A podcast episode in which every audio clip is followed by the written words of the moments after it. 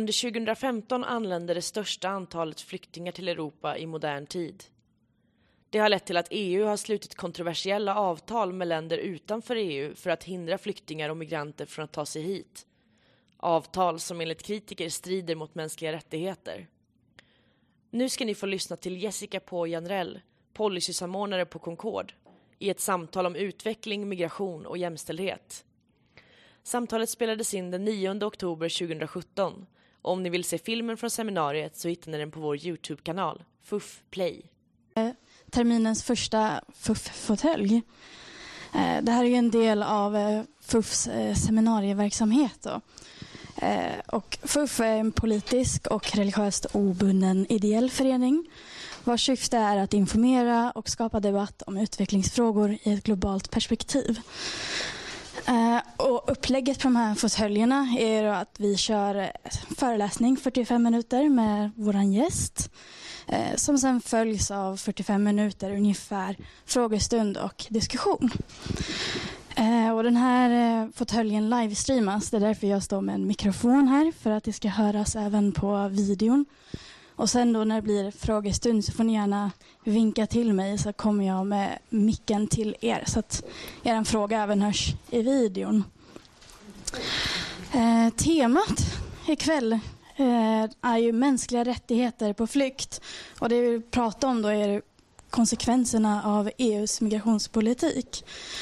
Att, eh, ja, sen 2015 så har Europa känt av en eh, migration och flyktingström som har ja, utmanat eh, EU och dess medlemsländer med hur de ska hantera flyktingar och migranter. Eh, EU har fått en del kritik och framförallt har det väl handlat om att man förbiser migranter och flyktingars rättigheter. Eh, så ikväll har vi gäst Jessica Jessica Janrell Eh, som kommer berätta lite om vad EUs migrationspolitik innebär för människor på flykt som försöker ta sig till Europa. Eh, Jessica jobbar som policysamordnare på Concord och främst inom frågor migration, utveckling och jämställdhet. Jag vill lämna över ordet till dig och hälsar dig varmt välkommen. Tack. Eh, tack. Tack för en, en applåd. Eh, jättekul att eh, vara här ikväll och jättekul att eh, det är så många som är intresserade av att veta mer om de här frågorna. Jag hoppas att när kvällen är slut att ni ska eh, känna ännu mer att de här frågorna faktiskt är väldigt viktiga att följa och att eh, försöka hålla koll på vad, vad EU gör på de här områdena. Hej. Eh, innan jag börjar så tänkte jag också bara säga någonting om, om Concord som är organisationen som jag jobbar för. Eh, vissa av er kanske känner till den men den är inte välkänd för alla. Eh, Concord är en plattform som samlar över 60 civilsamhällesorganisationer i Sverige och vi jobbar med globala utvecklingsfrågor. Eh, och som, som det sades, jag är då policysamordnare just för migrationsfrågor och även för jämställdhetsfrågor på Concord. Eh, vi ingår också i ett eh, europeiskt nätverk, Concord Europa, som innebär att vi har kontakt med Bryssel hela tiden och vi är också sammankopplade med plattformar i alla EUs medlemsstater. Så det ger oss en unik möjlighet att kunna följa EU-politiken och även kunna påverka både i Bryssel men också tillsammans med medlemsstaternas eh, mot rådet. Så det är bara för att ni ska veta någonting om organisationen jag jobbar för. Ehm, ja, EUs migrationspolitik och dess konsekvenser för global utveckling och människor på flykt. Det har hänt väldigt mycket de sista åren. Framförallt sedan 2015.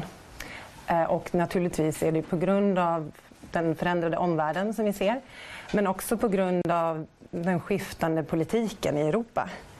Och jag tänker att vi ska börja det här med att och ta ett steg tillbaka och kolla hur situationen såg ut 2015. För det är verkligen sedan dess som de stora förändringarna har skett i EUs migrationspolitik. 2015 så hade vi en situation då UNHCR gick ut och, och, varnade och berättade att mer än 60 miljoner människor är på flykt världen över. Och det är den största flyktingkrisen eh, i modern historia. Eh, det som inte var lika tydligt i den europeiska debatten är att de länder som tar emot flest flyktingar, ja, det var Turkiet, Pakistan, Libanon, Iran, Etiopien och Jordanien. Eh, och inte alls europeiska länder. Men det var väldigt lätt att det här glömdes bort i debatten här hemma.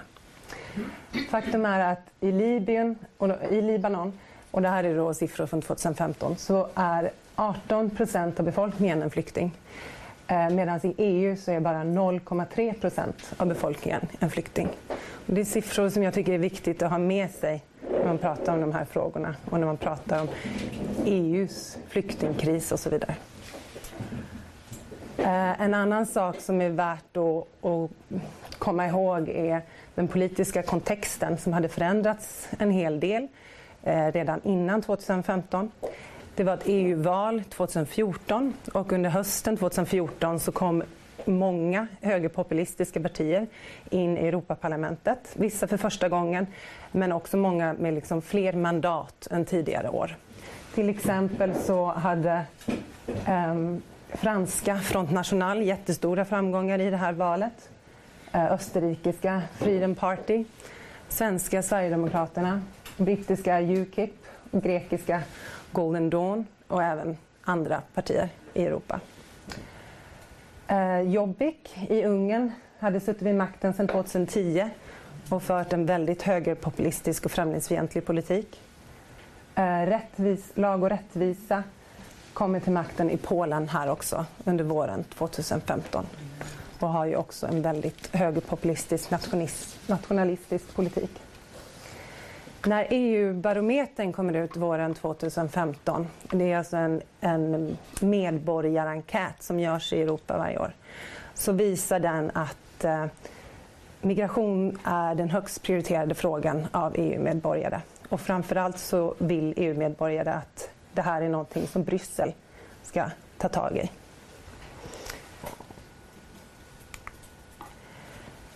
Under sommaren 2015 så sker en del saker som får många europeer att haja till.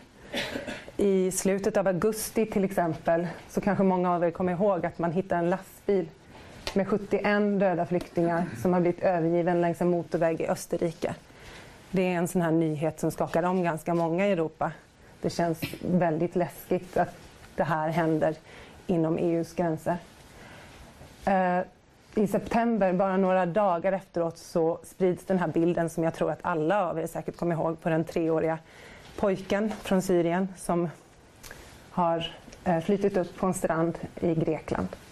De här bilderna väcker någonting hos väldigt många europeer och det blir lite av ett jag vet inte om man ska säga startskott eller i alla fall att bägaren rinner över för många engagerade europeer och folk tar till gator och torg. Eh, Refugees Welcome är en rörelse som växer sig stark otroligt snabbt just i september 2015 efter att de här nyheterna och bilderna har spridits. Och människor demonstrerar under banderollen Refugees Welcome över hela Europa. I, alla, I väldigt många europeiska huvudstäder. I, eh, I Stockholm på Medborgarplatsen så var till exempel Stefan Löfven med på Refugees Welcomes demonstration och höll eh, sitt brandtal med eh, orden att mitt Europa bygger inga murar. Här såg vi liksom ett ögonblick av hopp att europeer kanske skulle kunna få beslutsfattare i Europa att ta ställning för att hjälpa fler flyktingar. Eh, och det fanns en, ett stort engagemang bland många medborgare. I september så frångår Merkel eh, Dublinförordningen och säger att flyktingar är välkomna att ta sig till Tyskland om de kan. Eh, ni kanske kommer ihåg att det var många flyktingar som, som satt fast på den här tågstationen i Ungern. De fick inte ta tågen till, till Tyskland och bestämde sig för att marschera till Tyskland istället. Det var också sådana här starka bilder som kom där september 2015. Sverige eh, följer i Tysklands fotspår och säger att, att flyktingar är välkomna att ta sig till Sveriges gränser också utan att följa den här Dublinförordningen som normalt sett innebär att man måste söka asyl i det första land som man passerar i. Um, och både i Sverige och i Tyskland så ser man verkligen ett stort engagemang bland människor som möter upp flyktingar på tågstationerna i München, Hamburg, Malmö och eh, Stockholm och andra städer. Eh, men tyvärr så är det inte så många andra länder som går i Sverige och Tysklands fotspår. Och istället så går till exempel Visegradländerna ut. Ungern, Polen, Slovakien, Tjeckien och dessutom Bulgarien och säger att de kommer att vägra ta emot flyktingar på EUs order. De vill inte att EU ska lägga sig i Eh, deras möjlighet att säga nej till att ta emot flyktingar. Och eh, ett par veckor bara efter att Merkel hade gjort den här eh, inviten och, och sagt att flyktingar kan komma till, till Tyskland eh, utan att bry sig om Dublinförordningen så pressas Merkel att införa restriktioner vid tyska gränsen. Sen vänder tyvärr hela den här eh, eh, trenden och går åt helt motsatt håll. Och under hela hösten 2015 och vintern så sker en rad saker runt om i Europa som jag kände att jag ville skriva ner så att man verkligen ser liksom steg för steg hur allt det här sker. September 2015 så kommer alltså Tyskland med restriktioner eh, vid gränsen. Österrike inför gränskontroller mot Slovenien. Ungern bygger stängsel mot Serbien. Oktober 2015. Österrike bygger stängsel mot Slovenien. Slovakien inför gränskontroller mot Ungern och Ungern bygger stängsel mot Kroatien. November 2015. Norge eh, inför gränskontroller mot Sverige. Slovenien bygger stängsel mot Kroatien. Och Sverige introducerar, eller förlåt, Frankrike introducerar gränskontroller. Här ska vi också komma ihåg att det här var i samband med den fruktansvärda terroristattack som skedde i Paris där 130 människor dog och flera hundra människor skadades. Det hjälpte naturligtvis inte den här situationen eftersom många då började peka på migranter som ett säkerhetshot mot Europa. Sen införs en ny gränspolicy vid Balkan som innebär att endast personer från Syrien, Irak och Afghanistan släpps in för asylprövning.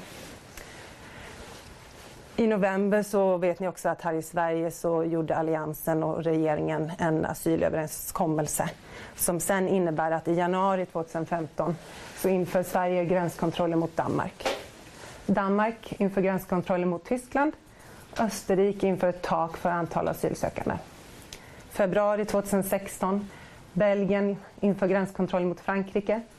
Serbien stänger gränsen mot Bulgarien och sen hela Balkan, Serbien, Albanien, Bosnien, Hercegovina, Montenegro och före detta Jugoslavien, Kosovo, Kroatien, Slovenien och Österrike inför striktare gränskontroller.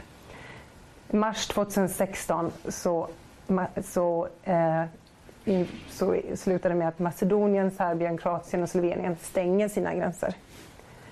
Eh, och sen är Europa stängt. Mars 2016 så inför ju också EU överenskommelsen med Turkiet och det återkommer vi till senare. Men jag tycker ändå att det här är en ganska eh, talande lista för hur snabbt det här gick och vilken dominoeffekt som skedde runt om i Europa för att gå från den här öppningen som vi såg september 2015 till att Europa stängde sina gränser. Jag kan också tillägga att i april 2016 så lämnar ju alltså Sveriges regering över propositionen till riksdagen för den tillfälliga asyllagstiftningen som sedan antas i juni 2016 och som jag säkert tror att de flesta av er är väl bekanta med. Men eh, den innebär ju, ja, framförallt i det, i det här sammanhanget så innebär det ju att familjeåterförening blir nästan omöjligt för de flesta flyktingar. Eh, och att eh, det i sin tur ju, har ju varit en av de viktigaste lagliga och säkra vägarna för många flyktingar och framförallt för kvinnor och barn. Eh, Bryssel eh, förväntas naturligtvis att svara på den här politiska krisen eh, som sker nu i Europa och göra någonting för att få de europeiska länderna att gå samman och samarbeta kring migrationspolitiken. Och jag tycker ändå att vi ska kalla det här en politisk kris snarare än en flyktingkris. Som jag sa på första sliden så är det ändå så att om man tittar på EU totalt så är det väldigt få flyktingar som man har tagit emot i jämförelse med befolkningen och i jämförelse med länder utanför Europa. Men en politisk kris var det definitivt som skedde den här hösten och vintern. Bryssels lösning är följande. Här är en hel radda. Vi kommer gå in på några av de här sakerna. Ehm, för de av er som kanske känner till lite hur det är att jobba med EU-politik eh, ehm, så vet ni att det här är ganska ovanligt att man tar så här många stora beslut och är så här liksom ehm, effektiv på, eh, på Brysselnivå. Eh, jag har jobbat med, med EU-politik ganska länge och normalt sett så tar det lång tid att fatta beslut. Eh, det är långa processer ehm, det tar flera år att komma överens om saker och ting. Det ses ofta som väldigt trögt och, och, och ses som någonting negativt ibland. Men det finns en poäng med att det tar lång tid att fatta beslut i EU och det är att man gör konsekvensanalyser. Att man diskuterar igenom förslagen, att de går genom Europaparlamentet och så vidare. Att det finns eh, en bra kontroll eh, och möjlighet att stoppa förslag som inte alltid är så genomtänkta. Eh, I maj 2015 så lanserar man EUs eh, e agenda för migration som är det första här på den här punkten. Och I och med det så går kommissionen ut och säger att migration är liksom det högst prioriterade eh, ämnet för EU just nu och att man kommer ta krafttag för att komma till rätta med migration. Eh, sen så lyckas man alltså ta en väldig massa snabba beslut eh, som kanske inte alltid har varit så genomtänkta under de kommande två åren. Det första alltså som man genomför och presenterar är EUs agenda för migration. Och agendans huvudsakliga pelare är att eh, ja, reducing incentives for irregular migration. Um, det här inne, innefattar att man ska använda EUs utrikespolitiska instrument för att motverka eh, underliggande orsaker till migration. Eh, och det innebär också att man ska öka återvändandet av flyktingar. Eh, border management. Det här innebär att man ska expandera både EUs gränskontroller och eh, kustbevakning. Men det innebär också att man ska stötta framförallt nordafrikanska länder i att ha en starkare gränsbevakning och kustbevakning. Reforming CEAS. CEAS är Common European Asylum System, ett gemensamt europeiskt asylsystem. Och sen så har vi legal migration som är den fjärde pelaren och den enda pelaren då som faktiskt tar tag i det faktum att man behöver eh, jobba för säkra lagliga vägar. Tyvärr under den här pelaren, det enda förslag som, som ligger här är eh, att man ska arbeta vidare med Blue Card Directive. Det här är ett direktiv som handlar om att få ge möjlighet till högutbildade forskare, professorer från länder utanför EU att kunna ta sig till EU för att arbeta. Så det är inte den typen av lagliga vägar som, som hjälps, hjälper i en flyktingkris eller som hjälper migranter som inte har den typen av högutbildning. Problemen med den här eh, övergripande agendan är att EU verkligen fastställer att migration är ett problem som ska tacklas med alla medel inrikespolitiska instrument och utrikespolitiska instrument. Allt ska användas för att, att tackla problemet migration. En annan sak som vi ser problematiskt är sammanblandningen mellan inrikespolitiska och utrikespolitiska mål. Det är alltså från och med nu så är EUs statsministrar, migrationsministrar och inrikesministrar som sitter och eh, är med och dikterar till exempel hur man ska använda EUs bistånd för att kunna tackla migration. Ett annat problem är också att det är ett stort skifte helt enkelt i retoriken och i synen på området migration och utveckling. Fram tills nu så har området migration och utveckling handlat om hur man ska kunna eh, bygga vidare på positiva effekter av migration hur man ska kunna sänka kostnaden för remitteringar för människor som skickar tillbaka eh, pengar till sina hemländer.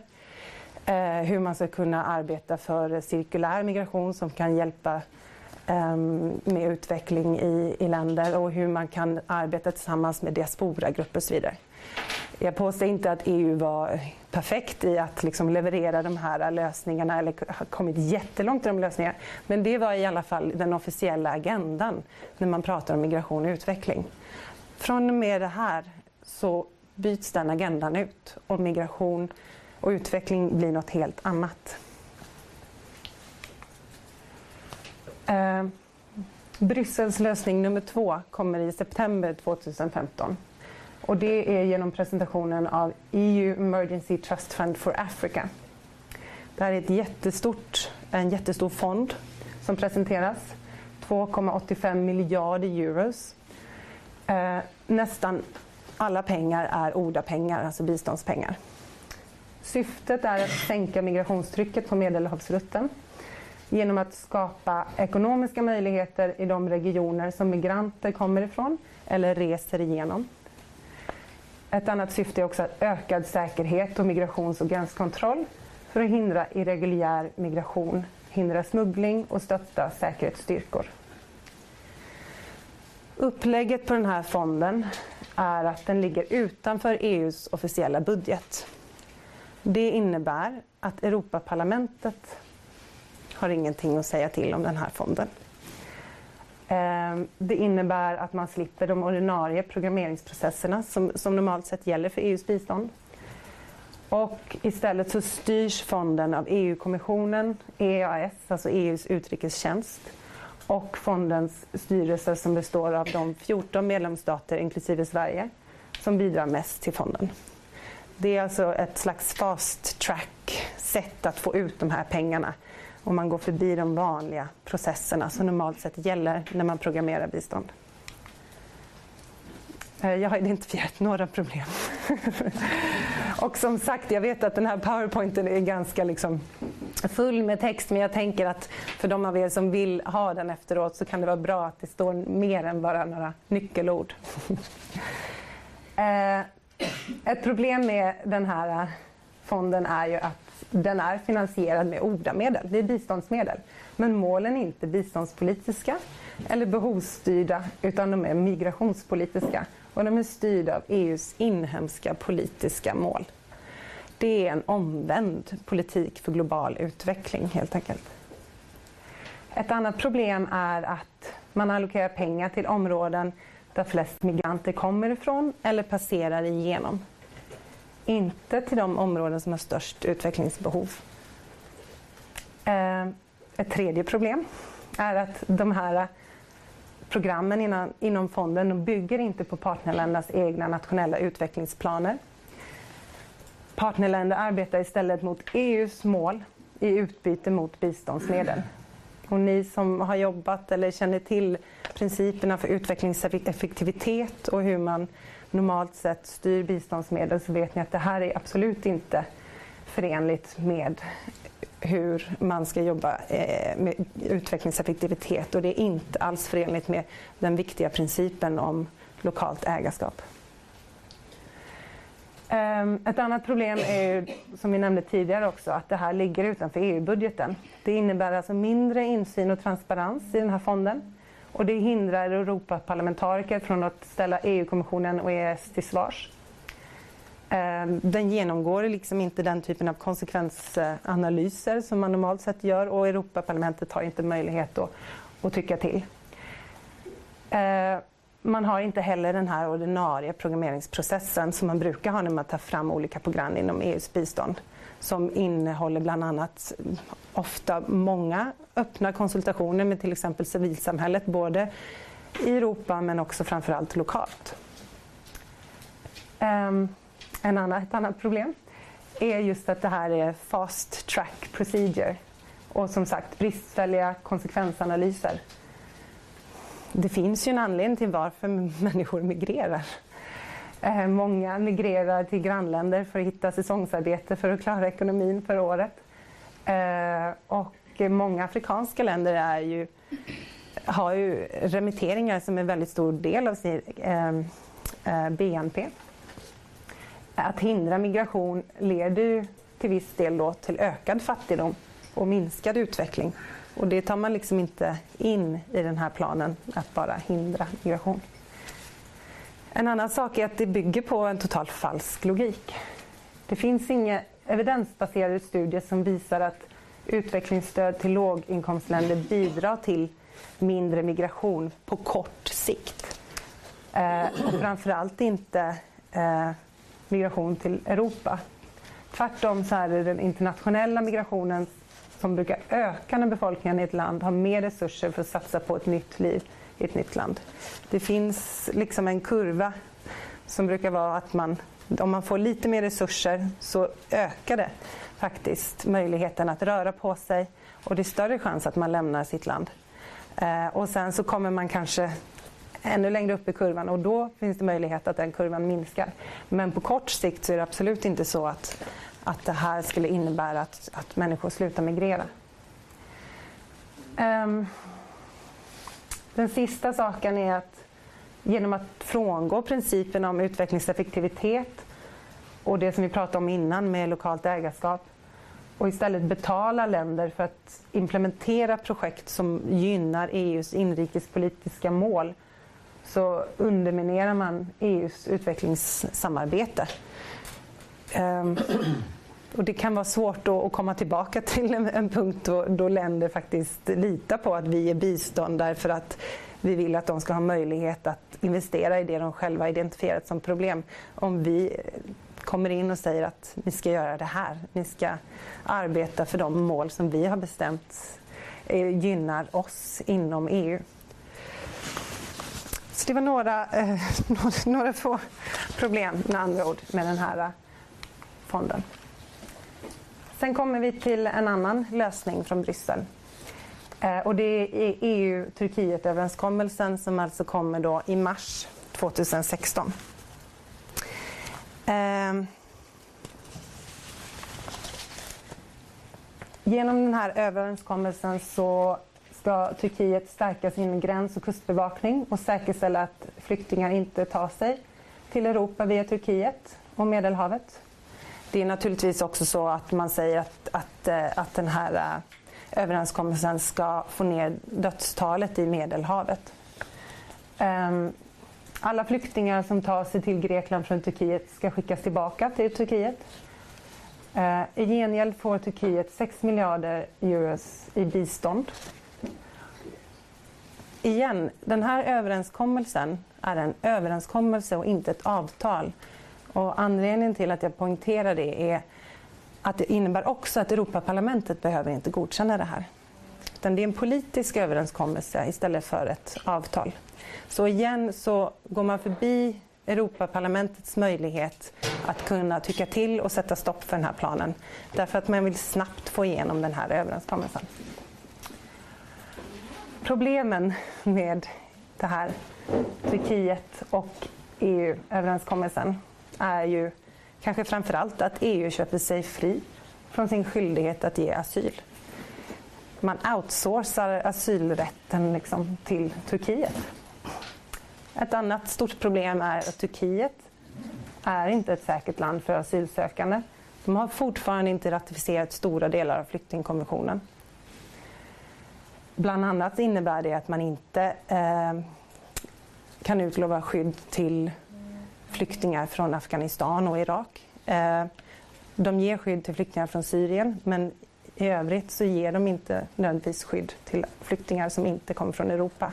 De har ratificerat den delen som, som kom först efter andra världskriget, den som ger skydd till europeer. Och sen har de också praxis att de ger skydd till syrier. Men i övrigt så kan de inte garantera att ge skydd till eh, personer som kommer till exempel då från Afghanistan och Irak som också naturligtvis är en, en stor andel av dem som tog sig genom Turkiet. Eh, överenskommelsen ledde inte heller till att färre människor dog i Medelhavet. Vilket var en stor poäng med den här överenskommelsen, att det var liksom det som skulle hända. Det ledde till att man stängde den här vägen, vägen från Turkiet till Grekland. Men många eh, flyktingar och migranter bestämmer sig för att försöka ta andra vägar och vägar som är betydligt farligare, till exempel genom Libyen. Så efter att EU och Turkiet-överenskommelsen gick, trädde i kraft så gick inte antalet eh, döda ner i, i Medelhavet utan tvärtom, det ökade. Därför att de vägar som folk tvingades ta var ännu farligare. Sist men inte minst så har ju överenskommelsen också gjort att EU har blivit beroende av Turkiet och oförmögen att kritisera eh, någonting som Turkiet gör. Det är inte direkt kopplat till, till situationen för flyktingar men det är ändå en väldigt viktig poäng att ha med sig vad som händer när man gör den här typen av överenskommelser där man blir helt beroende av ett land som inte är fullt ut demokratiskt. Nästa lösning. EU Partnership Framework Agreement. Um, den kommer i juni 2016. Uh, eh, och uh, Målet med det här är uh, rädda liv på Medelhavet, öka återvändandet till ursprungsländer och transitländer möjliggöra för migranter och flyktingar att stanna i sina närområden och undvika farliga resor. De här formuleringarna är också ganska cyniska. Möjliggöra för migranter och flyktingar att stanna. Um, ja, jag vet inte vad ni tycker. Men, men det, det är fortfarande uppenbart att, att det man vill är att flyktingar och migranter inte ska ta sig till EU i alla fall. Um, det finns en del skrivelser i, i, den här, eh, i det här ramverket som är, som är eh, ja, lite ögonfallande för, för de av oss som, som jobbar med bistånd och med utvecklingssamarbete. Um, bland annat så står det i, i det här ramverket att överenskommelsen blir nyckelkomponenter för EUs relation med länder som migranter kommer ifrån eller reser igenom. Relationerna ska guidas av ländernas vilja att samarbeta kring migrationshantering och att effektivt hindra irreguljär migration och återta irreguljära migranter. Eh, en annan sak är att eh, positiva och negativa incitament ska integreras i EUs utvecklingspolicies för att belöna länder som samarbetar i att hantera flödet av irreguljära migranter. Samtidigt utlovas konsekvenser för de länder som inte samarbetar kring återvändande och återtagande. Det är ganska tydligt att EU försöker diktera vad det är som gäller. Um, som sagt, problem med det här. Att det är migrationssamarbete som är grundpelare för EUs relationer med de här länderna. Eh, igen, de här överenskommelserna är tänkta att finansieras med biståndsmedel. Eh, men det är ändå migrationssamarbete som är grundpelarna för, för allt det här. Eh, biståndet är uppenbarligen totalt villkorat i de här eh, samarbetena. Eh, vi, när vi har ifrågasatt det här så har vi fått lite olika svar från lite olika håll. Eh, jag vet att eh, vissa regeringar i Europa har erkänt rakt av, ja, det är, det är villkorat bistånd. Det är, vi ser inga problem med att vi gör så i det här fallet, för det är en så stor, stor fråga. Um, andra vägrar erkänna att det är villkorat bistånd. Eh, Vår egen statsminister kallar det för more for more-principen. Inte villkorat bistånd utan more for more. Det finns lite olika förklaringar på det här eh, men vi tycker att det är ganska uppenbart att det är ett villkorat bistånd. Eh, biståndet blir alltså en transaktion och kan därmed också användas som utpressning. En annan fråga är naturligtvis vad blir effekterna för migranter och människor på flykt? Och vilka är det EU betalar för att hålla människor tillbaka? Eh, jag inkluderar en lista på de länder som man har identifierat som prioländer i det här ramverket. Ehm, Etiopien, Eritrea, Mali, Niger, Nigeria, Senegal, Somalia, Sudan, Ghana, eh, Ivory Coast, Algeriet, Marocko, Tunisien, Afghanistan, Bangladesh och Pakistan. Det är naturligtvis olika typer av regeringar i de här länderna men Vissa av de här länderna har inte regeringar som jag skulle ha fullt förtroende för att, eh, att eh, ge pengar för att, till deras gränsbevakningar för att, för att mota, mota migranter. Ehm, jag vet till exempel att det har varit mycket eh, funderingar kring samarbetet med Sudan. Den gränspolisen eh, eh som finns där längs med ena gränsen är till stor del mycket det som brukade vara Janjaweed som gjorde sig ett namn under deras tidigare inbördeskrig. Så det finns en hel del problem naturligtvis med vilka det är man samarbetar och vilka eh, uppgifter man, man, man ger när det gäller att upprätthålla migranters och flyktingars rättigheter i det här sammanhanget. Sen kommer vi till nästa lösning. Migrationssamarbete med Libyen. Som sagt, eh, migrations, eller överenskommelsen som man gjorde med Turkiet eh, ledde ju inte då till att färre människor dog i Medelhavet och det ledde inte heller till att människor inte tog sig, fortsatte att ta sig till Europa, eh, vilket var eh, poängen. Eh, istället så tog sig väldigt många eh, genom Libyen. Alla gjorde inte den eh, vägen, men, men många fortsatte ändå att ta den vägen. Eh, och det innebar att EU då kände att vi behöver göra ett migrationssamarbete med Libyen. Så att i februari i det här året så bestämde man sig för att påbörja ett migrationssamarbete med Libyen. För att hindra migranter och människor på flykt att ta sig från Libyen till EU, för att förhindra att människor dör i Medelhavet. Eh, och för att förbättra situationen för flyktingar i Libyen. I juli, alltså bara några månader sedan, så utökade man stödet ytterligare just för att stärka den operationella kapaciteten av den libyska kustbevakningen och gränsbevakningen. Det finns en hel del problem med det här samarbetet. Libyen, som ni kanske känner till, har ju ingen fungerande regering. Ehm, det finns en utsedd regering som stöds av FN som har kontroll över vissa delar i och kring Tripoli. Ehm, men i övrigt så styrs olika delar av landet av olika militära grupper och olika fraktioner. Så det finns ingen regering som har full kontroll över det här landet.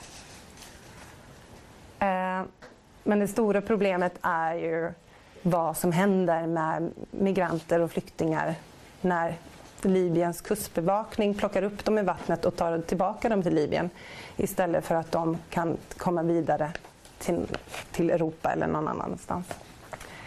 I Libyens officiella migrationshäkten hålls människor frihetsberövade på olaga vis. Ofta lever hundratals människor instängda på små ytor. Det är brist på toaletter, mat, rent vatten, medicin vilket innebär att migranter är allvarligt undernärda och sjuka. Människor utsätts för tortyr, grov misshandel, sexuellt våld, utpressning och många dör på grund av svält, sjukdomar eller misshandel av vakterna.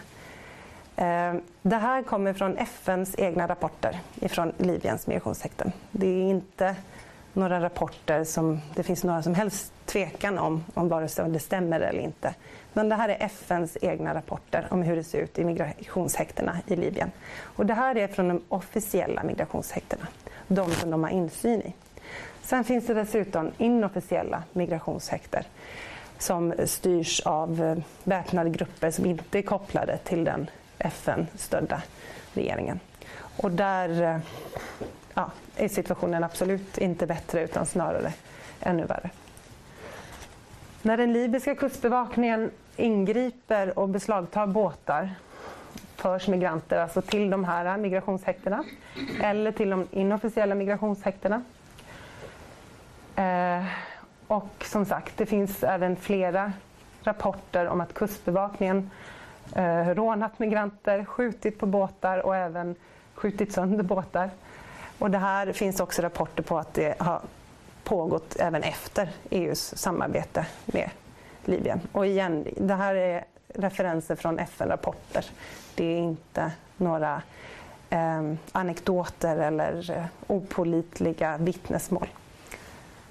Så att migrationssamarbetet med Libyen är definitivt någonting som vi ifrågasätter eh, stort och har väldigt stora problem med att, att förstå att eh, EU har kunnat ta det här steget och att Sverige också inte eh, har liksom lagt sitt veto till att vara med på den här typen av, och stötta den här typen av samarbete.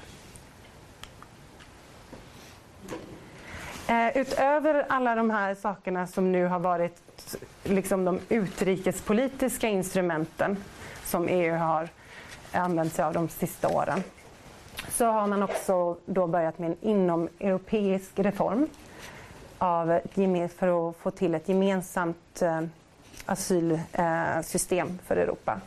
Det heter CEAS, Common European Asylum System. Och eh, i maj och juli 2016 så lanserar EU-kommissionen eh, en rad nya rättsakter för att revidera och förnya EUs gemensamma asylregelverk.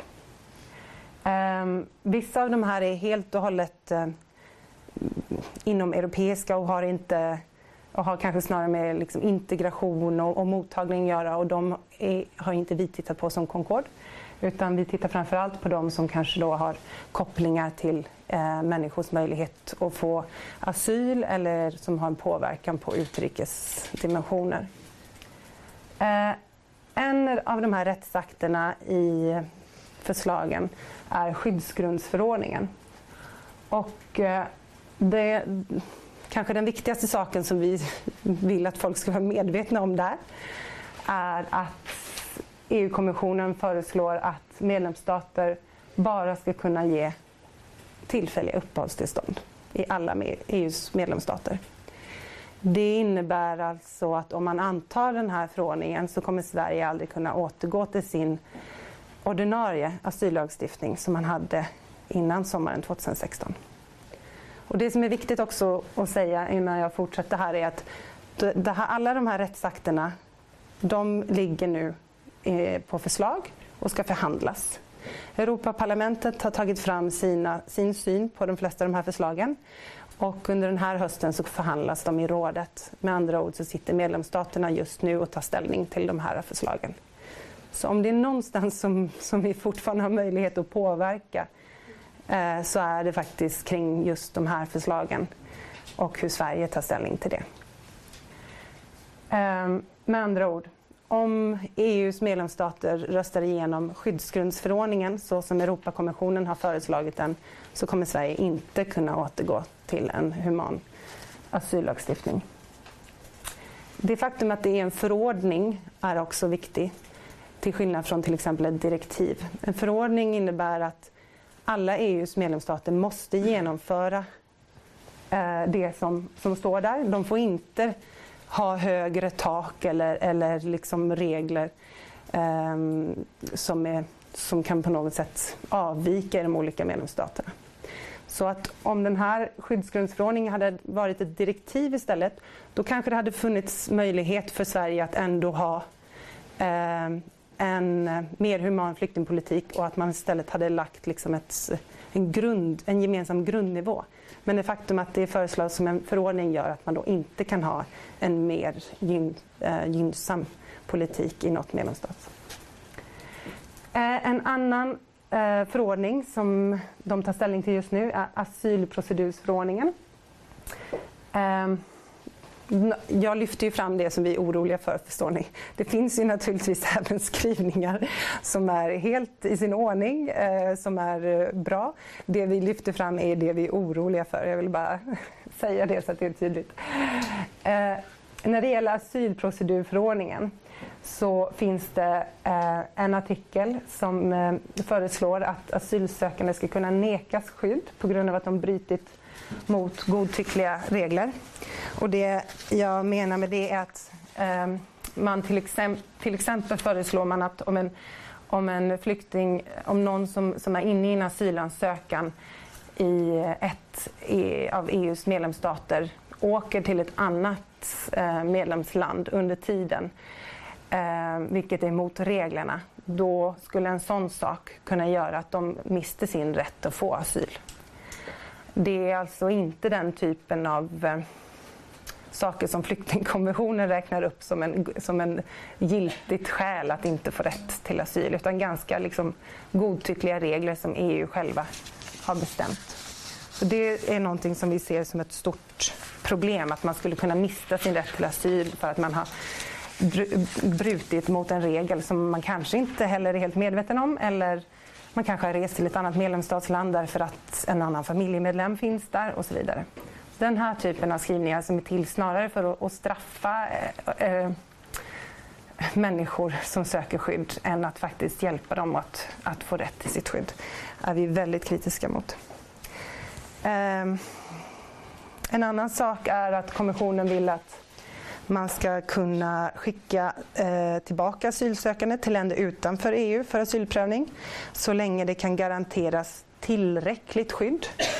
Eh, vi menar att risken för att dessa personer inte får en rättssäker asylprövning är överhängande. Och det är någonting som vi kan se med Turkiet och Libyen till exempel. Att om man skickar tillbaka människor i, till länder där de inte har eh, en tillräckligt bra eh, praxis för hur man eh, gör asylrättsprövningar så kommer naturligtvis folk inte få en rättssäker prövning. Och det här med tillräckligt skydd är också en väldigt underlig skrivning.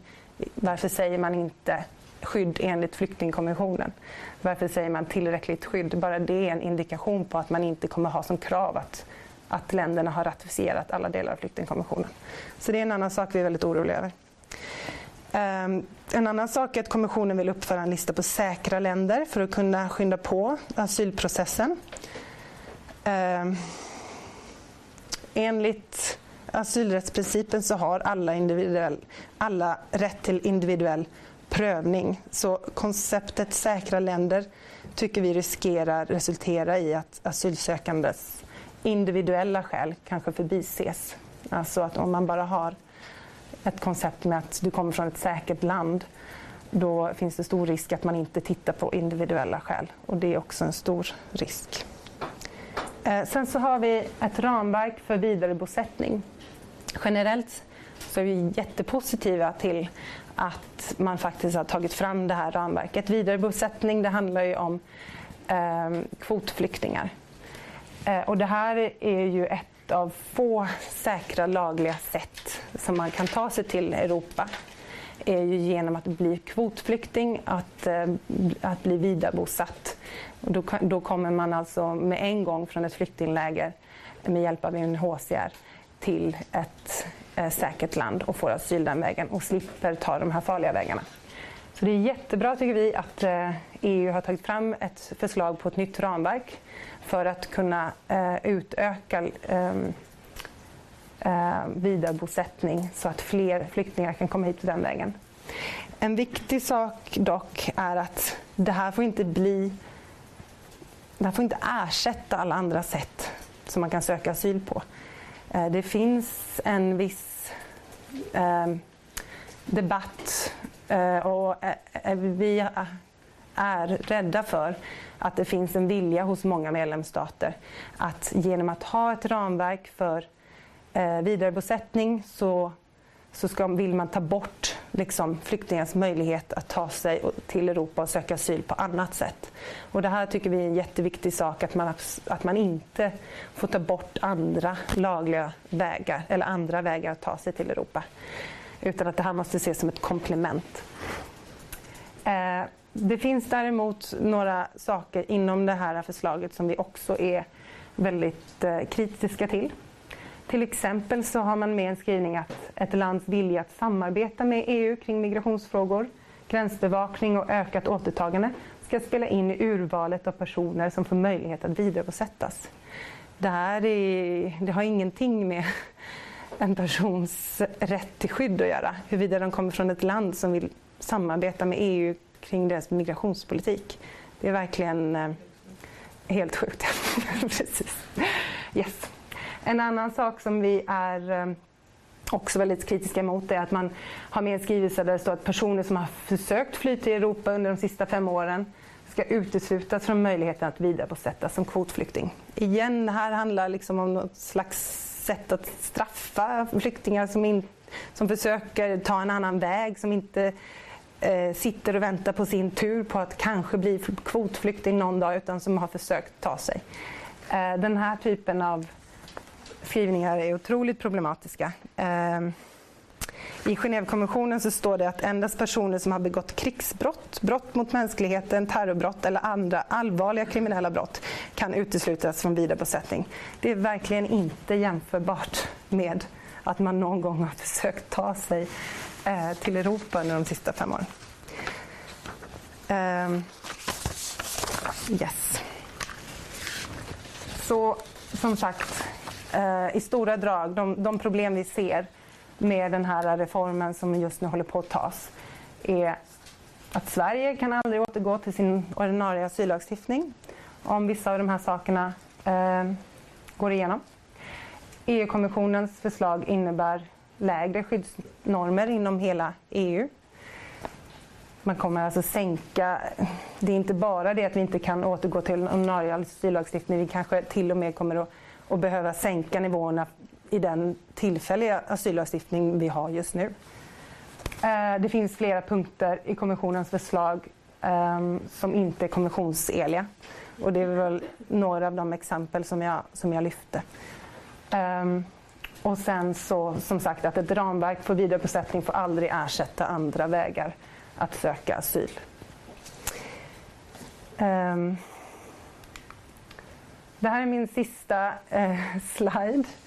Vart är vi på väg? Um, ja, det är lite av en sammanfattning. EUs utrikespolitik styrs inte längre av biståndspolitiska mål utan inrikespolitiska mål.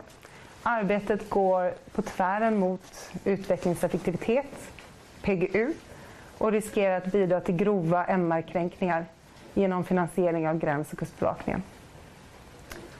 Vi, ja, vi menar naturligtvis att EU måste ändra riktning eh, snabbt. Vi måste börja lyssna på forskning, civilsamhället och följa överenskomna principer och konventioner och arbeta för att uppnå eh, Agenda 2030, FNs Compacts for Migrants and Refugees. Det finns processer det finns utöver de konventioner vi har naturligtvis som, som alla bör följa så finns det ju även processer eh, i att uppfylla Agenda 2030-målen och också FN-processer kring att skapa Compacts for Migrant and Refugees som är bra processer som ändå vill försöka komma tillbaka till det här eh, diskursen kring migration och utveckling som vi, som vi brukade ha. Att, att se migration och utveckling som ett medel för hur kan vi, eh, hur kan vi liksom, eh, dra på de positiva effekterna som migration kan,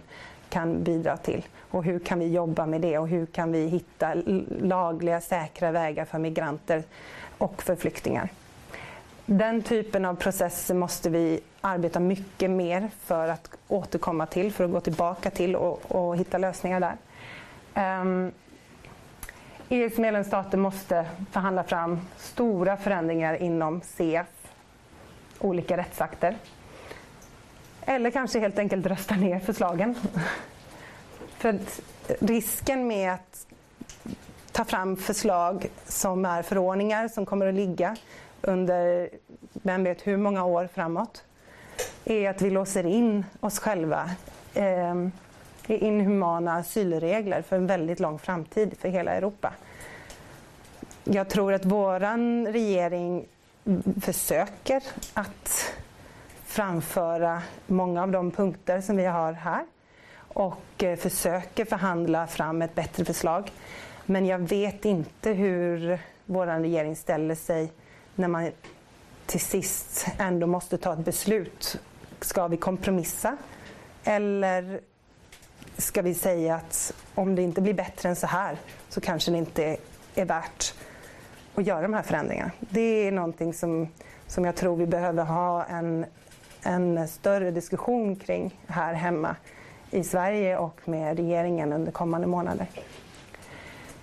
Ehm, om den negativa utvecklingen fortsätter finns det en risk att vi går in i en postkonventionsera. Det här är lite av den mest negativa eh, trendspaningen som man kanske kan ha men det, den är inte helt eh, eh omöjlig att tänka sig. Vi ser hur många länder eh, tycker att deras egna inrikespolitiska mål är viktigare än att följa konventioner. Det är inte längre så farligt eh, att bryta mot konventioner och eh, det är många som inte längre tar eh, mänskliga rättigheter på så stort allvar som, som de brukade göra, även i europeiska länder. Det här är naturligtvis en jättefarlig trend och vi som EU-medborgare har en skyldighet att försöka stoppa en sån utveckling såklart. Och det kan vi bara göra om vi är medvetna om vad som händer och genom att påtala och visa att det här är inte okej. Okay. Det finns naturligtvis en möjlighet. Det finns naturligtvis eh, sätt att försöka se att det kan finnas en positiv utveckling. Vi kanske har nått, eh, nått botten redan och är på väg tillbaks, vem vet. Eh, vi hade Brexit, vi hade Trump, eh, men sen så lyckades faktiskt Frankrike undvika den stora katastrofen som hade varit om Front National hade blivit inröstad i i Holland lyckades man också undvika den stora katastrofen om Gert Wilders hade blivit, eh, eh fått mer mandat.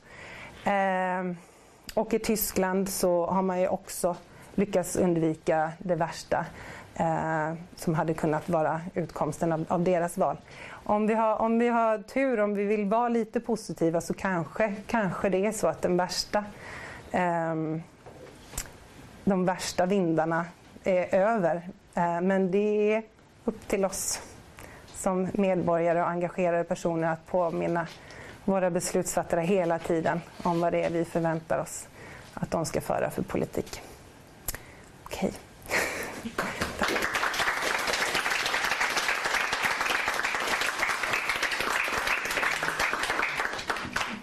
Orkar vi köra på eller vill ni ha en bensträckare på två, tre minuter? Vill ni ha en gråtpaus?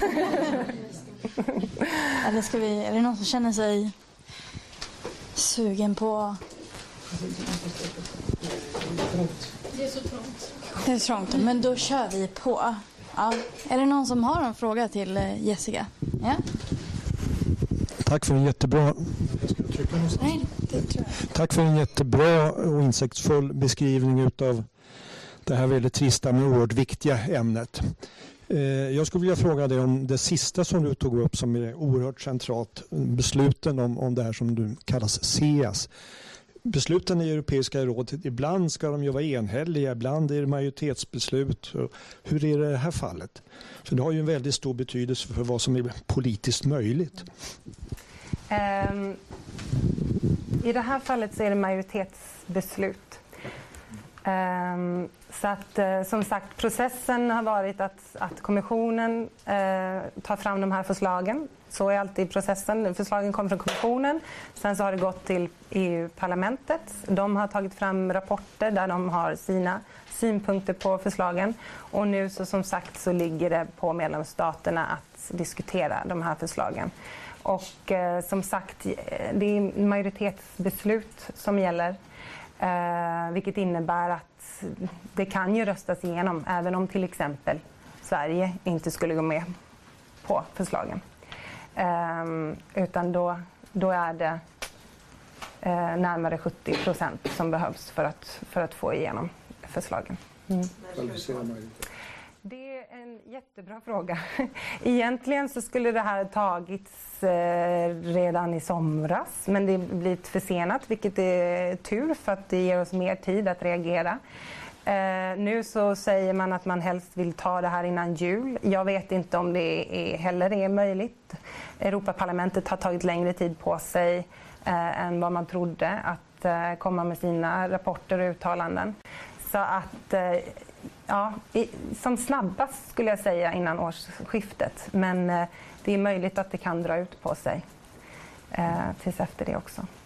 Och jag ska också säga att Alltså att överhuvudtaget följa den här politiken de sista åren. Eh, det har varit som en eh, ångvält. Alla de här, eh, alltså CES består ju av sju olika rättsakter. Alla de här eh, dokumenten som jag pratar om är ju liksom oftast ordentliga eh, dokument, långa sådana. Och eh, att överhuvudtaget hinna med att eh, sätta sig in, analysera, eh, försöka påverka, försöka eh, liksom sprida information, kunskap är jättesvårt. Och det känns också som att det är väldigt mycket poängen eh, just nu. Att försöka ta så mycket beslut som möjligt innan, innan någon hin riktigt hinner eh, liksom eh, uppfatta vad det är som, som faktiskt pågår och vad det är som står på spel.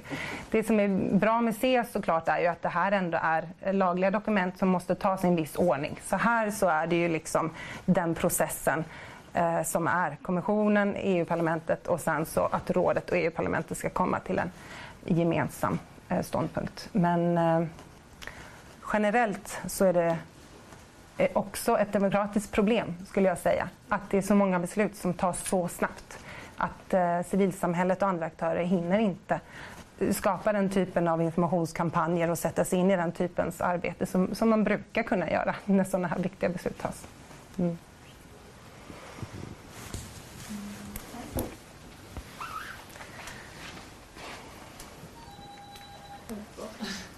Jag har en annan fråga angående just informationskampanjer. Ehm, eftersom det är så många beslut som togs så fort från EUs håll.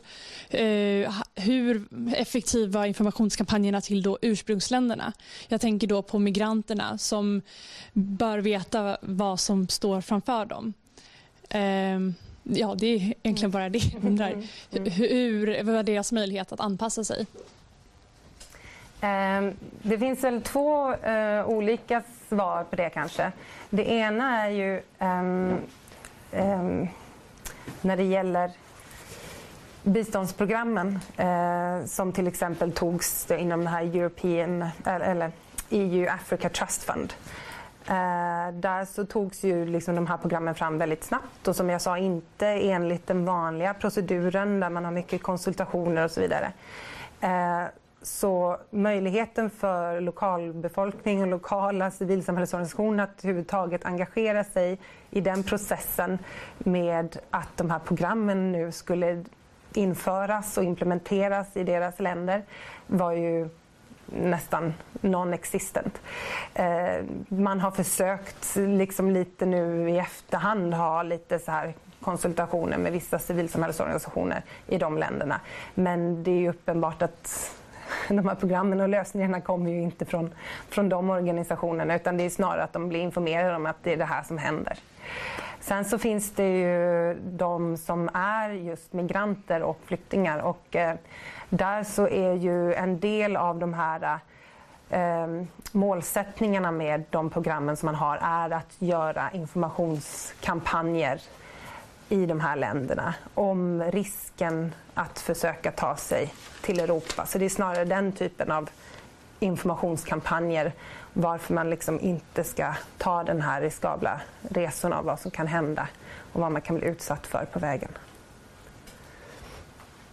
Vad säger FN om det här? Finns det regler för vad man får kalla för bistånd eller vad man får lägga biståndspengar på? Det finns ju eh, framför allt så har ju eh, alla givarländer eh, eh, som har eh, något substantiellt bistånd att tala om gått med på det som är eh, eh, utvecklingseffektivitets eh, och agendan och de principer som, som gäller där. Ehm, och det är framförallt eh, ja, alltså alla, alla europeiska länder som ger bistånd i princip är ju med på de här reglerna. Så att egentligen så är, och de reglerna följs ju inte nu. Det är till exempel det här vi pratar om, om lokalt ägarskap och så vidare. Eh, så att eh, det är ju, ja, det, det, är inga av EUs medlemsstater som egentligen borde tycka att det är okej okay att, att göra på det här sättet. Eh, jag tror som sagt att vissa av EUs medlemsstater eh, nonchalerar det här på ett mer öppet sätt och säger att eh, de här migrationsmålen är, är viktigare än, än, våra principer för biståndet så därför så är det här överordnat.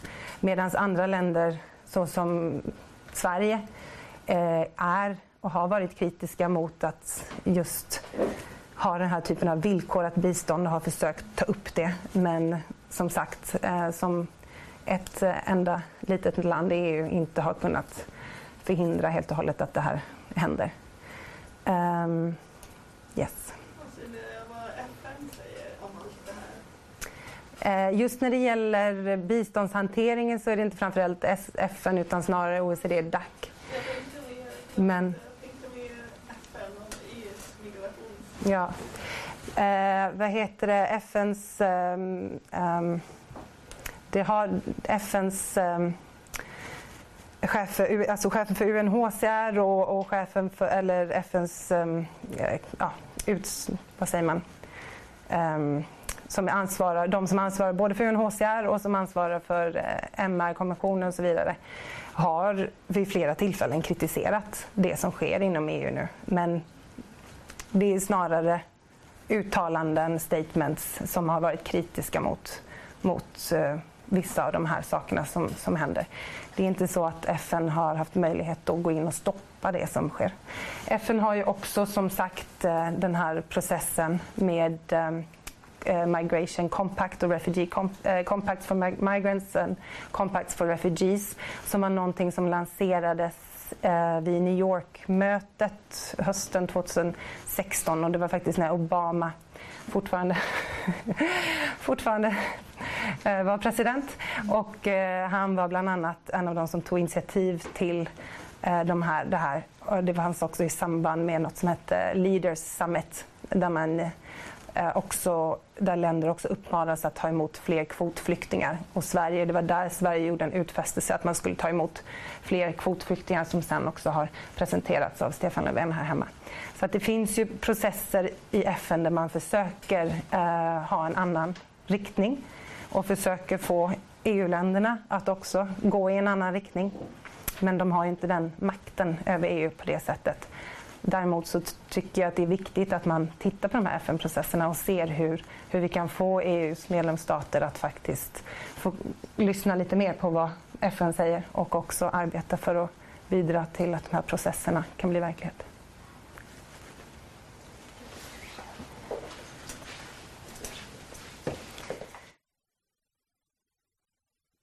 Hej. Eh, två frågor. Eh, de här rättsakterna, är de 100% satta som förordningar eller kan de röstas fram som direktiv? Bra fråga. Det var din första fråga. Min första Jag tar den först, så jag inte glömmer bort. Eh, det här är någonting som vi försöker ställa, en fråga som vi försöker ställa till regeringen. Jag tror att det är ganska liten chans att man ändrar på vilken typ av rättsakt det kommer att bli. Men det är någonting som, som vi föreslår till regeringen. Om man inte kan förhandla om till exempel skyddsgrundsförordningen ganska rejält är det då en poäng att försöka få det till att bli ett direktiv så att vi fortfarande kan ha lite högre standard här hemma. Det är, det är sådana förslag som vi har gett till justitiedepartementet flera gånger.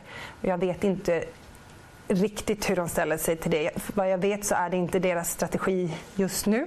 Men eh, kanske att vi kan få dem att tänka att det kan vara en strategi om, om det kommer till det. Mm. Vet du om det är andra länder som gör detsamma? Eh, ja, alltså jag skulle säga att eh, eh, det finns ju många internationella civilsamhällesorganisationer som ger samma typ av rekommendationer till sina medlemsstater i, i Europa. Så att eh, det finns ju många medlemsstater som har fått den typen av påtryckningar från civilsamhället runt om i Europa. Mm. Min andra fråga var om du tror att det är strategi att agera så snabbt för att inte få civilsamhället att reagera och skapa Mm. Tyvärr så tror jag faktiskt det. Mm. Alltså jag tror att det både så är det så att kommissionen väldigt gärna ville visa sig handlingskraftig väldigt snabbt. Att de ville visa vi gör någonting som får effekt. Vi gör någonting, liksom, vi gör stora insatser, vi tar tag i det här. Eh, och, an, och, det är liksom ena sidan. Det tror jag är en anledning till att de har gjort så mycket under så kort tid. Ehm, det är också kopplat till eh, den personen som är ordförande i EU-kommissionen just nu, eh, Juncker. När han eh, kom, blev ordförande i EU-kommissionen ehm, så, så, så var det en grej för honom att säga att EU är väldigt ineffektivt. EU bör satsa på några få områden och göra mer på de här områdena än att försöka vara överallt och göra massa saker samtidigt. Så när han kom in så tog han fram en, en tiopunktslista med, med områden som, som de tyckte var liksom de viktigaste områdena. Och migration var en av de här. Och sen så blev migration liksom etta på listan om man säger så. Och, så det har varit en, en, stor grej för honom och hans kommission att agera snabbt och, och liksom med kraft eh, i de här frågorna. Också för att visa då EUs medlemsstater att vi, vi gör saker. Men jag tror också, framförallt när det gäller de här sakerna där man går förbi Europaparlamentet, att det verkligen är en strategi att inte ha långa utdragna eh, processer och diskussioner i Europaparlamentet eller riskera att Europaparlamentet sätter sig på tvären mot de här förslagen. Mm. Tack.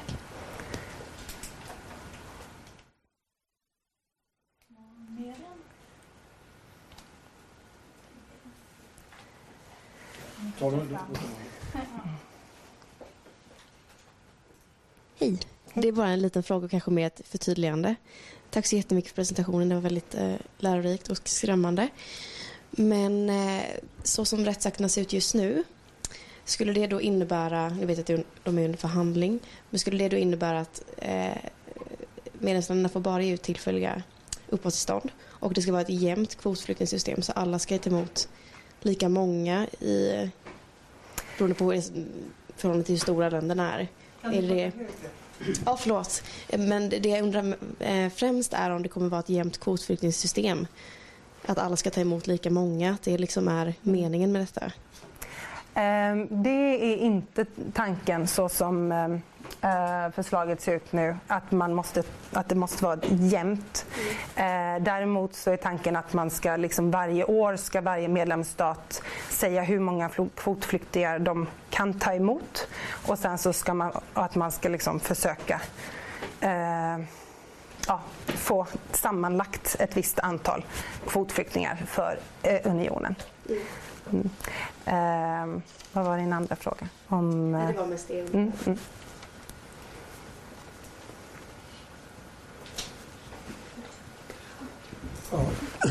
Jag har en mer långsiktig fråga. Det här är ju väldigt akut och det är väldigt mm. viktigt och politiskt viktigt att, att agera på, ja, på det som, som eh, diskuteras just nu. Men samtidigt så är det ju väldigt mycket som talar för att det här är bara början på ett problem, ett politiskt problem som vi kommer leva med under decennier. Om man tittar på befolkningsökningen i Afrika så säger de flesta prognoser att befolkningen kommer fördubblas fram till 2050. Eh, bakom det här så ligger ju liksom frågeställningen å ena sidan om det oerhört viktiga att vi har möjligheter att, att ta emot politiska flyktingar. Å andra sidan så många utav dem, eller flera av de som kommer kommer ju inte bara av politiska skäl utan även ekonomiska skäl. Det ena hänger ihop med det andra, det ena väger över framför det andra. Och där kommer ju också frågorna om, om de behov som Europa på sikt kommer att ha utav att ta emot folk utifrån. Därför att vi har en demografi som bara förändras åt, åt, åt ett håll där befolkningen blir äldre och, och man kommer att behöva en omfattande migration på sikt. Eh, hur, om du liksom lyfter det från de här väldigt akuta politiska problemen nu och ser det på längre sikt. Är det här början på en väldigt restriktiv migrationspolitik eller finns det andra vinklar på migrationspolitiken som man överhuvudtaget inte diskuterar nu som man borde diskutera också i ett kortsiktigt men också ett långsiktigt perspektiv? Mm. Eh, men jag tror definitivt att det här är det här är, handlar om snabba puckar, visa handlingskraft snabbt från liksom EUs sida. Ta väldigt många snabba beslut som man tror eller tänker sig ska ha liksom, eh, en inverkan här och nu. Eh, och det riskerar ju att låsa in oss å ena sidan då i en eh, asylrättspolitik eller asylrättsregler som inte är är humana på, på lång sikt, eller kort sikt, men inte på lång sikt heller. Eh, och eh, det som, som eh, saknas är naturligtvis eh, både liksom eh, att ta ett steg tillbaka och, och, och inse vikten av att, att hålla fast vid de konventioner vi har och att inte ta bort möjligheterna för människor att söka skydd. Men också naturligtvis eh, det vi pratar om, vi har pratat ganska nu blandat om flyktingar och om migranter. Så att det är naturligtvis viktigt att göra skillnad på också människor som kommer hit som har eh, asylskäl och som kan tänkas få eh, Eh, få asyl och kunna stanna på de grunderna. Till skillnad från människor som är migranter som kommer hit kanske av ekonomiska skäl. Och det vi missar nu när allting är fokuserat på den här eh, snabba lösningarna är ju naturligtvis långsiktiga lösningar för rörlighet. Eh, det som jag sa tidigare var att eh, man, man eh, EU lyfter fram det här eh, Blue Card Directives Alltså möjligheten för väldigt högutbildade eh, till exempel forskare och så vidare att kunna ta sig till Europa. Men man jobbar ju inte på eh, något annat typ av direktiv som även skulle innebära att kanske annan typ av andra migranter eh, med en annan bakgrund har möjlighet att, att ta sig på ett lagligt sätt.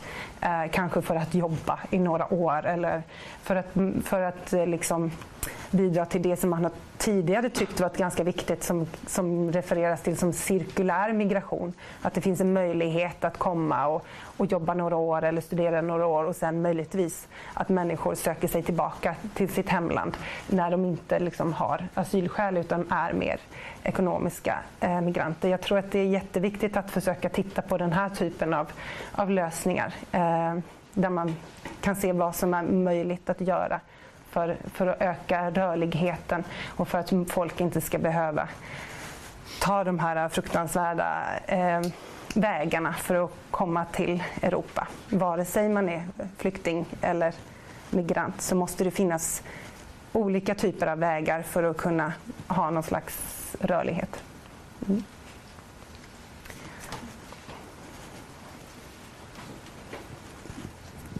Jo, jag undrar, finns det något program i det här för hur man ska stävja den organiserade brottsligheten som också är inblandad? Alltså, Libyenavtalet mm. har ju en, ärvt ett problem mellan Berlusconi och eh, Gaddafi. Och sen nu så är det en och Al-Qaida Maghreb som samarbetar och tjänar mer pengar på det här än narkotikatrafiken. Mm. Och sen får de hjälp att tvätta pengarna i Turkiet. Så Turkiet får ju betalt två gånger om. Dels av en Dragitan och dels av EU som också är i och för sig... Endragetan kommer ju från EU. Mm. Så det, det, det, man ska ju inte gynna den organiserade brottsligheten så ett, det finns ett stort problem som ett farligt problem dessutom och de lär ju inte behandla människor väl utan de är ju bara intresserade av det finansiella. Mm. Ja, det finns absolut i det här också målsättningen att, att jobba mot eh, organiserad smugglings eh, organiserad människosmuggling. Ehm, och det är ju naturligtvis bra att försöka ta tag i, i, i, det och också att försöka komma till rätta med människor som utsätts för trafficking och så vidare. Ehm, igen, konsekvensanalyserna, sättet man gör det på, väldigt bristfälliga. Ehm, man har gått in väldigt snabbt då, till exempel eh, i, i Niger och eh, sagt att man måste att, att eh, de här eh, personerna som, som smugglar eh, måste liksom avsluta sin operation, om man nu ska kalla det så, sin affärsverksamhet. Det finns kanske just nu, alltså det, det finns ju i, om du tar upp Agadez som är liksom definitivt ett område där, där smugglingsverksamheten är en stor inkomst för, för många där. Man har inte erbjudit några andra eh, saker, försörjningsmöjligheter just för det. Det är, ju, det är väldigt extremt just i Agadez, men just i Agadez så är det ett problem att man då inte an, har kunnat erbjuda några andra försörjningsmöjligheter och då finns det, eh, som man ser nu, en stor farhåga till att de eh, de här personerna som hållit på med, med smuggling eh, snarare då söker sig kanske till bara annan typ av illegal verksamhet. Eh, men, annan typ av människohandel eller droghandel och så vidare som eh, naturligtvis inte är, är en lösning. Eh, 15, de 15 eh, vad heter det, mayors, eh, borgmästarna av Agadez gick ut i ett eh, gemensamt brev och försökte påkalla det här problemet ehm, till EUs ledare och sa att ni liksom, nu, nu, nu så stängs den här verksamheten ner men de här människorna har varit beroende på den här, eh, av den här ekonomin och vad har ni att erbjuda istället? Den typen av eh, utvecklingsprogram som EU kommer med är liksom inte tillräckligt snabbt eller inte tillräcklig för att kunna erbjuda de personerna något annat. Men det är, det är väldigt specifikt just i, i Agadez. Alltså jag tänker att det är inte det största problemet på många andra ställen men just på vissa ställen så är det ett stort problem definitivt. Mm. Turkiet och Libyen mm. går liksom ihop ja. i detta problem. Mm. mm. Absolut. Hej, jag har två frågor. Eh, första är, du pratar om Turkiet. Eh, att folk skulle skickas från Grekland då till Turkiet. Vad är omfattningen? Hur många är det som faktiskt har skickats över från Grekland till Turkiet för att få sin asylprövan där? Och är det också bara, är det folk som kommer nu som gör det eller är det även folk som har rest under 2015 som skickas tillbaka från Grekland till Turkiet som ännu inte har fått sin asylprövan? Jag skulle säga att eh, den, när man gjorde Turkiet-EU-överenskommelsen så, så, så eh, ströp man väldigt mycket den, den vägen faktiskt. Eh, det visade sig att, att Turkiet hade eh, väldigt stor möjlighet att hindra båtar från att lämna Turkiet när de väl fick pengar för att göra det, om man ska säga så. Så att det har inte alls kommit många flyktingar den vägen sedan man gjorde den överenskommelsen. Eh, och det är det som EUs ledare har kunnat påvisa att de tyckte att det var så effektiv överenskommelse. Men som sagt, man glömde bort att det ledde inte till färre dödsfall i Medelhavet. Men däremot så ledde det till att färre människor då tog sig till Europa därför att de, de kunde inte ta den vägen längre helt enkelt. Så att de som har skickats tillbaka till Turkiet det är de som kom i princip innan den överenskommelsen gjordes eller precis i veckorna runt omkring att den överenskommelsen gjordes. Sen så har den vägen strypts helt enkelt kan man säga. Mm. Eh, nej, nu, nej, det är ganska många. Jag, ska inte, jag får nästan återkomma med eh, antal, eh, men det är ju tusental. Men, men jag ska inte sitta och hitta på ett nummer nu för jag har inte det i huvudet. Mm. Ja, eh, en fråga för du nämnde här tidigare speciella länder som får specifikt stöd då för att hindra att människor lämnar länderna. Eh, och jag undrar, är det liksom gränskontroller de tänker att de här länderna ska sätta in för att hindra alltså sina egna medborgare att lämna länder eller är det andra typer av utvecklings Eh, insatser såsom förbättrad levnadsstandard som kan tänkas göra då att folk vill stanna. Jag tänkte specifikt då på Eritrea som var ett land som kom upp där och det kanske inte är så bra med ökad gränskontroll där. Mm. Hur ser det ut?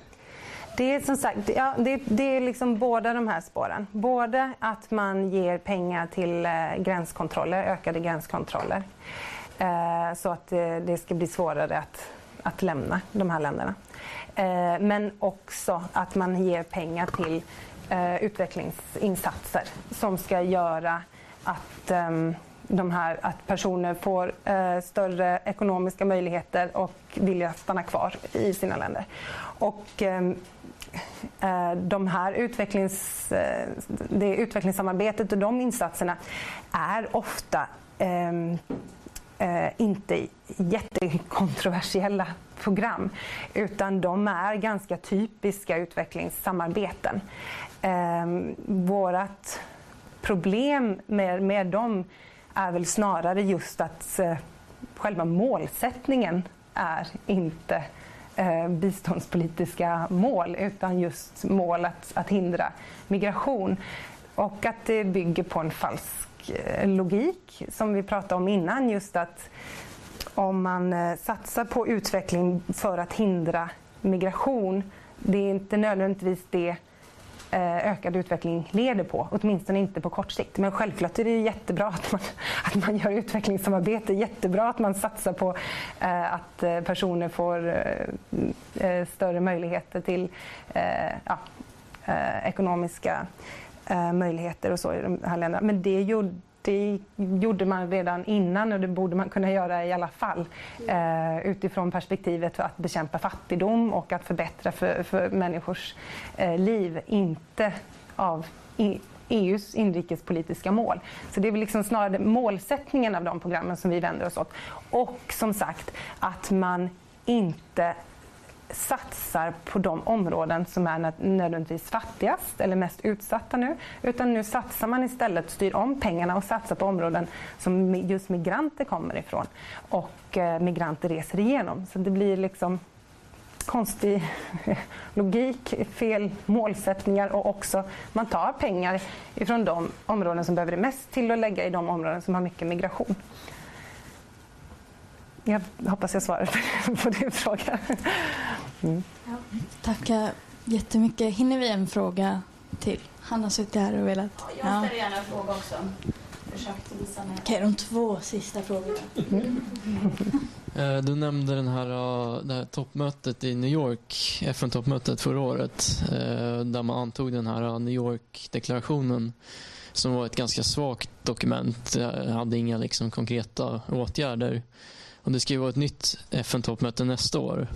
Eh, vad ser du för möjligheter att få till ett bindande avtal eh, och konkreta åtgärder eh, på det mötet nästa år?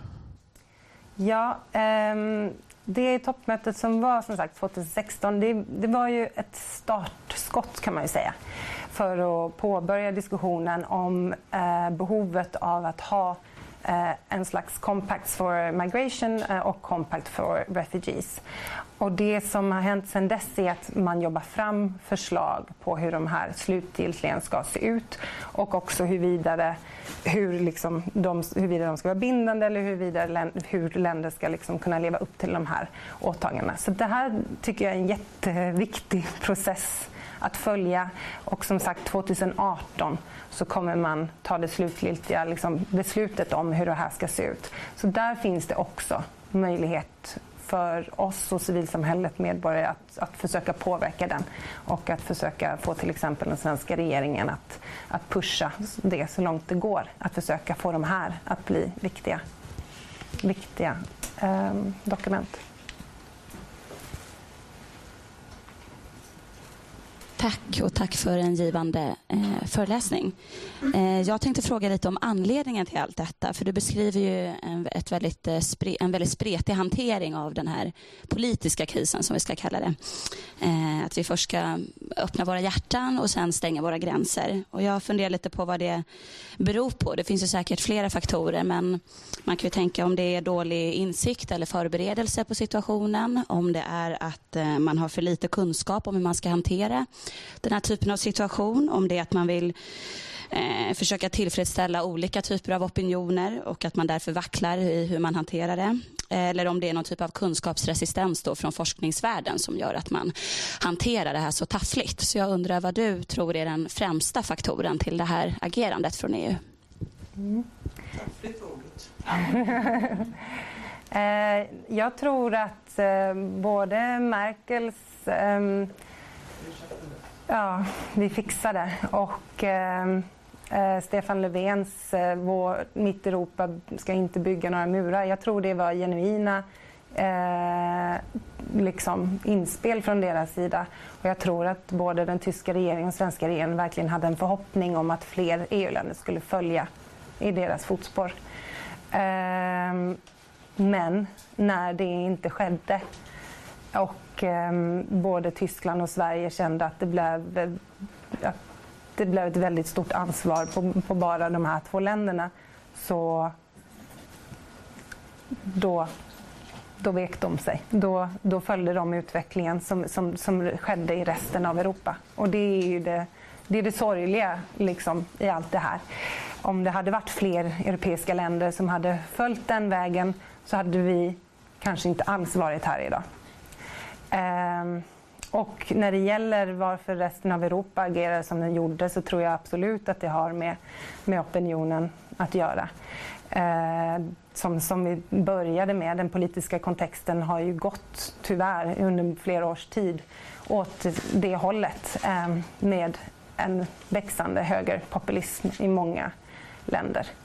Eh, I vissa fall har det naturligtvis varit regeringar som absolut inte bryr sig om, om de här frågorna alls och i vissa andra fall så är det kanske regeringar som är, är rädda för att bli avsatta vid nästa val. Eh, och som sagt, valen som var, som var liksom på gång då Både det att man skulle ha valet i Frankrike där det fanns en risk för Front National att, att ta makten och ett val i, i Holland där Gert Wilders hade eh, liksom stor framgång under en lång period. Och eh, att man hade Brexit eh, som också var på väg. Det tror jag tyvärr hade jättestor betydelse för hur vissa av de här länderna agerade. Ehm, och som vi vet, Brexit berodde ju också till stor del på att många i Storbritannien inte ville se ökad migration. Ehm, så det är också en sån här fråga. Och de här eh, valen inte hade legat just då i tiden hade vissa europeiska ledare kanske vågat ta ett annat beslut. Så hade det också kunnat vara. Nu som sagt om man ska försöka vara lite positiv så har flera av de här valen skett. Nu kanske det finns möjlighet för vissa europeiska ledare att bli lite modiga igen. Eh, det är väl våran eh, enda förhoppning. Eh, det är väl en förhoppning som vi måste liksom kunna hålla fast vid. Att eh, förhoppningsvis har vi nått botten och nu kanske, kanske, kanske om vi jobbar tillsammans kan vi få eh, våra europeiska ledare att inse att det är många av oss som inte vill se den här utvecklingen längre. Yes. Ja, jag vill tacka dig väldigt mycket för att du kom hit och delade med dig av din kunskap.